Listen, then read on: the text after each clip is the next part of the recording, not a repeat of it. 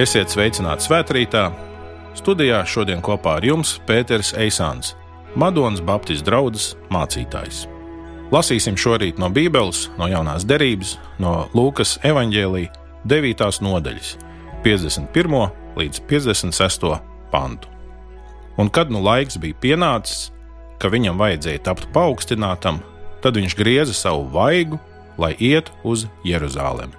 Un viņš nosūtīja sev priekšā vēstnešus, un iedam tie nonāca kādā samariešu ciemā, lai viņam apgādātu vietu, kur apmesties.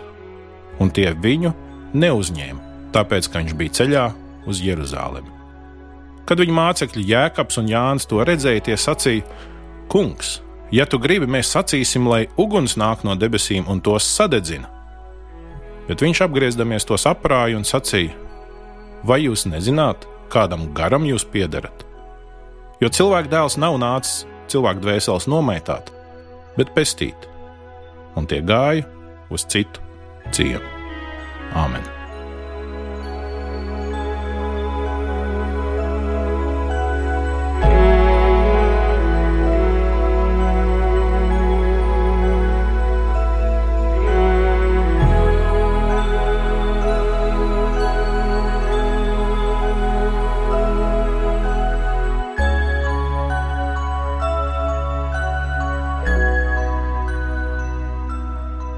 Bieži vien mēs domājam, ko tas nozīmē būt kristietim un ko tas nozīmē būt Jēzus māceklim. Protams, tas nozīmē vairākas lietas. Tas nozīmē dzīvesveidu, kurš ir ētisks, kurā nav vardarbības, kurā nav ļaunprātības. Bet, ja mēs tā atkal un atkal vērojam Jēzus dzīvi, mēs nonāksim pie secinājuma, ka būt Jēzus māceklim nozīmē būt viņa sūtītam. Jāņa evanģēlijā mēs lasām, ka Tēvs sūtīja dēlu. Kā Tēvs mani sūtīs, tā es jūs sūtu, teica Jēzus mācekļiem. Un pēc tam šeit Lūkas evanģēlīja 9. nodaļā, ja mēs to būtu lasījuši no paša sākuma, mēs redzētu, ka Jēzus sasauc savus 12 mācekļus, un viņš tos izsūtīja sludināt Dievu valstību un dziedināt. Oriģinālā tekstā ir lietots vārds apostello, izsūtīja. Latvijas valodas tulkojumā tas būtu vārds misio, no kā mēs iegūstam vārdu latviešu valodā misija. Tātad Dievs sūtīja savu dēlu misijā, Dieva dēls sūtīja savukārt savus mācekļus misijā. Viņš sūtīja ar uzdevumu, sūtīja ar nolūku, ar mērķi. Un kāds tad bija šis mērķis? Lūkas evanģēlīja noslēgumā mēs lasām, ka viņa vārdā, Jēzus vārdā, būs sludināta atgriešanos un grēku piedošana visām tautām, iesākot no Jeruzalemes. Tātad Dieva pestīšanas vēstī, Dieva evaņģēlīja vēstī būs ietverti visi ļaudis, visa pasaule, visi etnosi, visi kontinenti. Un tad, kad Lūka sāka rakstīt apakstuļu darbu grāmatu, tad viņš saka šos vārdus, kas ir Jēzus vārdi, jūs būsiet mani liecinieki, kā Jeruzalemē, tā visā Jūdejā un Samarijā, līdz pašam pasaules galam. Tātad sākot no savas pilsētas, no sava novada, no savas valsts, no sava kontinenta, pa visu pasauli. Tādēļ tu vari būt Jēzus fans, tu vari būt Jēzus sekotājs, tu vari būt Jēzus apbrīnotājs un Jēzus simpatizētājs un nebūt misijā. Evanģēlijos mēs lasām, ka Jēzum bieži sekoja liels pūlis. Vienā reizē viņam bija jābaro vairāk nekā 5000 cilvēku, kas bija klausījušies viņa vārdos, kuriem patika Jēzus vārdi. Viņš pabaroja tos ar maizi un zivīm, taču pūli viņš nesūtīja misijā. Pūlim viņš nedeva uzdevumu, un vienā jaukā dienā pūlis sauca: Sit viņu krustā, dod mums barabu! Jēzus mācekļi tiek sūtīti misijā. Bet, ja tu neesi misijā, ja tu nedzīvo dzīvi ar šo uzdevumu apziņu, ko tu esi saņēmis no Dieva, varbūt tu esi tikai simpatizētājs, bet neesi māceklis. Varbūt tu esi jēzus fanu pulkā, bet ne mācekļu pulkā. Par māceklību var runāt no dažādiem skatu punktiem, bet nav iespējams runāt par māceklību bez misijas. Tā būtu pretruna pašos pamatos. Tādēļ, ka Jēzus izsūta savus mācekļus misijā, gan viņa aktīvajā kalpošanas posmā, gan arī tad, kad viņš tika paņemts debesīs, viņš teica: Ejiet un dariet par mācekļiem visas tautas. Kāds tad būtu šis mērogs, šis misijas mērogs, kurā Jēzus gribētu savus mācekļus aizsūtīt? Ievērojiet to, ka nav labi izraut no konteksta Bībeles raksturvietas un arī šo fragment, ko mēs lasījām Lūkas 9. nodaļā, no 51. pānta līdz 56. Tas nav tāds pats par sevi atrauts stāvošs no visiem notikumiem. Lūkas 9. nodaļa un 10. nodaļa iesākās ar to, ka Jēzus sūta savus mācekļus misijā. 9. nodaļas sākumā viņš izsūta 12 mācekļus. Un ko tad nozīmē vispār tas, ka Jēzum ir 12 mācekļi? Tas simboliski atbilst 12 Izraēla ciltīm, tam skaitam. Tātad Jēzus izsūta mācekļus pie saviem, pie savas tautas, kas runā savā valodā, kas savā kultūrā, savā vidē esoši. Bet interesanti, ka desmitā nodaļa sākās ar to, ka Jēzus sapulcina 70 mācekļus, un viņš izsūta viņus arī tieši tādā pat misijā kā 9. nodaļas sākumā. Bet kāpēc 70? Kāda loma šim skaitlim? Interesanti, ka pēc grēka plūdiem, kad tiek skaitīts visas tautas, un mēs pirmā mūzes grāmatā par to lasām, tur tiek uzskaitītas 70. Un kopš tā laika, tādā bibliskā vecās darbības domāšanā, šis 70 skaitlis nozīmēja visu pasauli, visas tautas šo kopumu. Līdz ar to, kad Jēzus sūta mācekļus pie savējiem, pie savas tautas. Un desmito nodaļu viņš iesāk ar to, ka viņš sūta mācekļus pie visām tautām. Sūtīšanai pa vidu ir tas notikums, ko mēs lasījām, pārdomājam. Un šis fakts, ka Jēzus sūta gan pie savējiem, gan pie visām tautām, tam vajadzētu ietekmēt arī to mūsu interpretāciju un izpratni. Kāds tad bija Jēzus misijas mērogs? Ko tad viņš gribēja aizsniegt? Viņš gribēja aizsniegt savējos, bet viņš gribēja arī ar Dieva žēlastību aizsniegt visus. Apostols Pēters sludināja jūdiem, apostols Pāvils pagāniem. Kurš no viņiem bija labāks? Nē, neviens bija labāks par otru. Abi ir vajadzīgi gluži kā monētas divas puses. Līdzīgi kā vienam ķermenim ir divas kājas, tas būs funkcionāls un stabils, tad, ja būs abas.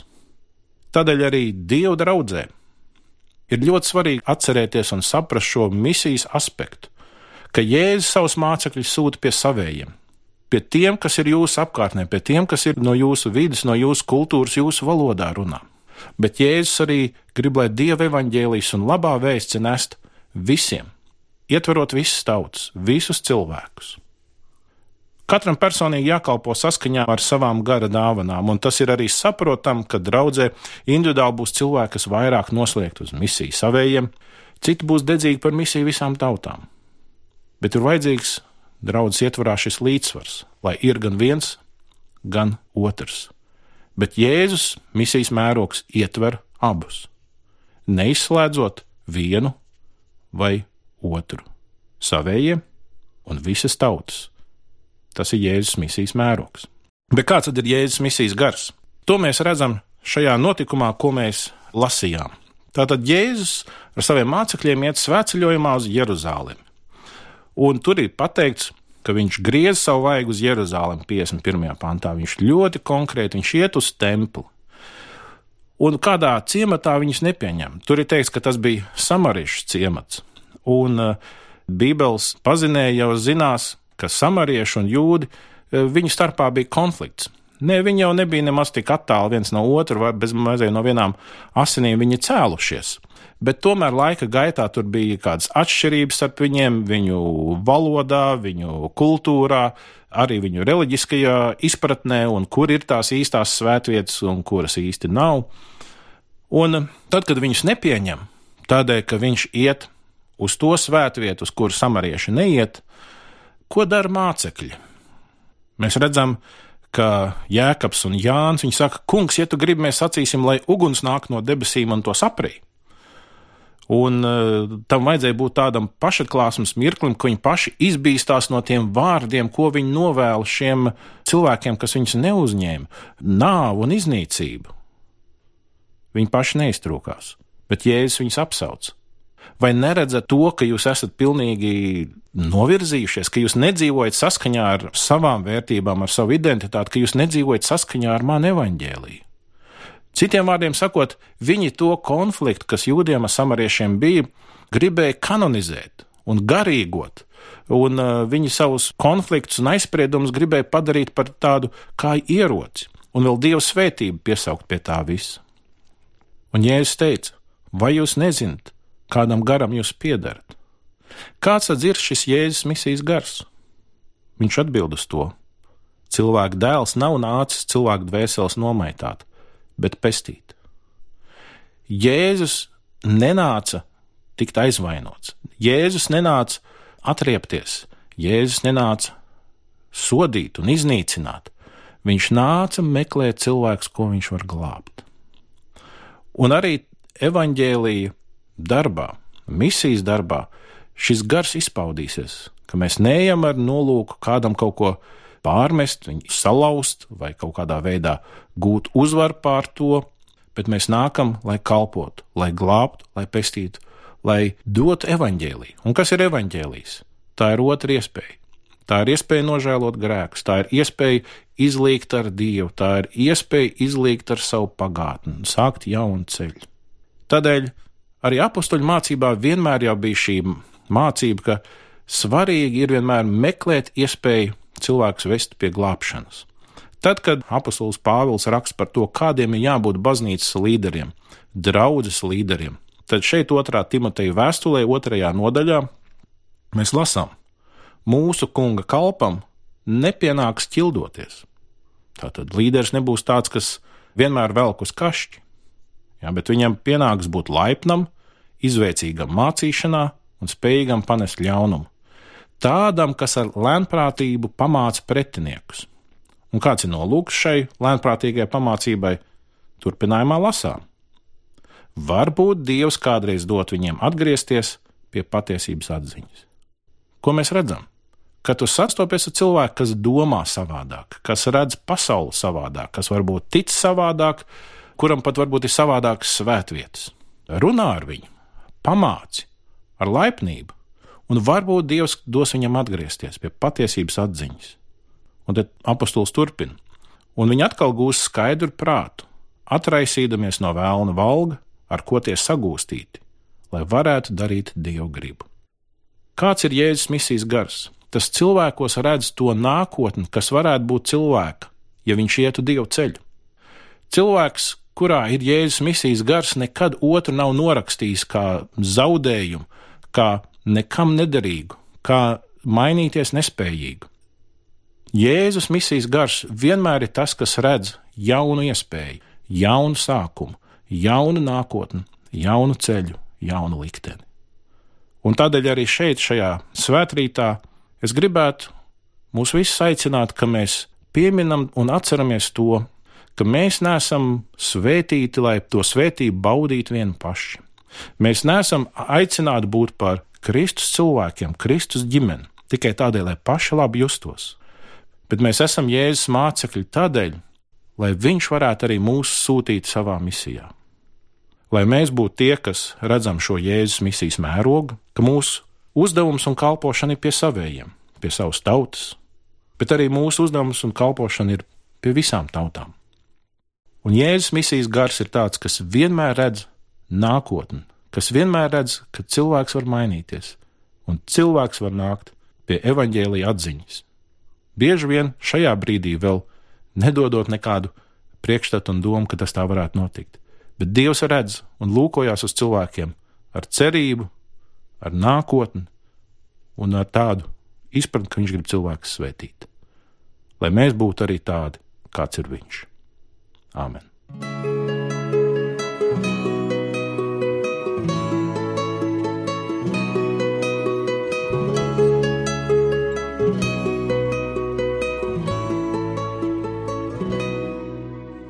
Mūžīgais Dievs, mēs te pateicamies par to, ka Tava žēlastība atklājas Kristu Jēzu. Mūs, kas bijām grēkos, sadumpojušies pret Tevi un Taviem ceļiem, Tu neatmeti un nepameti savā nodabā, grēka apspiestībā, bet Tu nāci Kristu, lai būtu pestīšana mums. Paldies par to, ka mūsu vietā, mūsu dēļ, Kristus nomira pie krusta, un caur viņu mums ir dāvāta dzīvība. Ne tādēļ, ka paši tik labi esam, bet Viņš ir pilnīgs un nevainojams. Paldies arī par to, ka Tu mūs ieaicini savā ģimenē ne tikai tādēļ, lai mēs paši varētu par to priecāties un būt svētīti, bet lai mēs varētu būt svētības nesēji tālāk. Un es tev lūdzu par katru vienu šodien, kas šajā svētbrīdī piedalās savās mājās, lai arī katrs viens no viņiem apdomā un redz, kā viņi var būt svētības nesēji. Lai viņi ir tie, kas ar savām lūgšanām svētī, lai viņi ir tie, kas ar saviem vārdiem svētī, lai viņi ir tie, kas savu rīcību svētī. Un ja kādam liekas, es jau neko nevaru, kungs atklāja, kā nu kurš savā dzīves situācijā var būt par svētību vēl kādam. Un lai mēs Latvijā esam tie, kas pilnībā izprotam un arī sekojam tavam mācekļu ceļam, ka mēs kalpojam gan savā tautā, un tāpat laikā mēs, protams, kalpot visiem cilvēkiem. Āmen!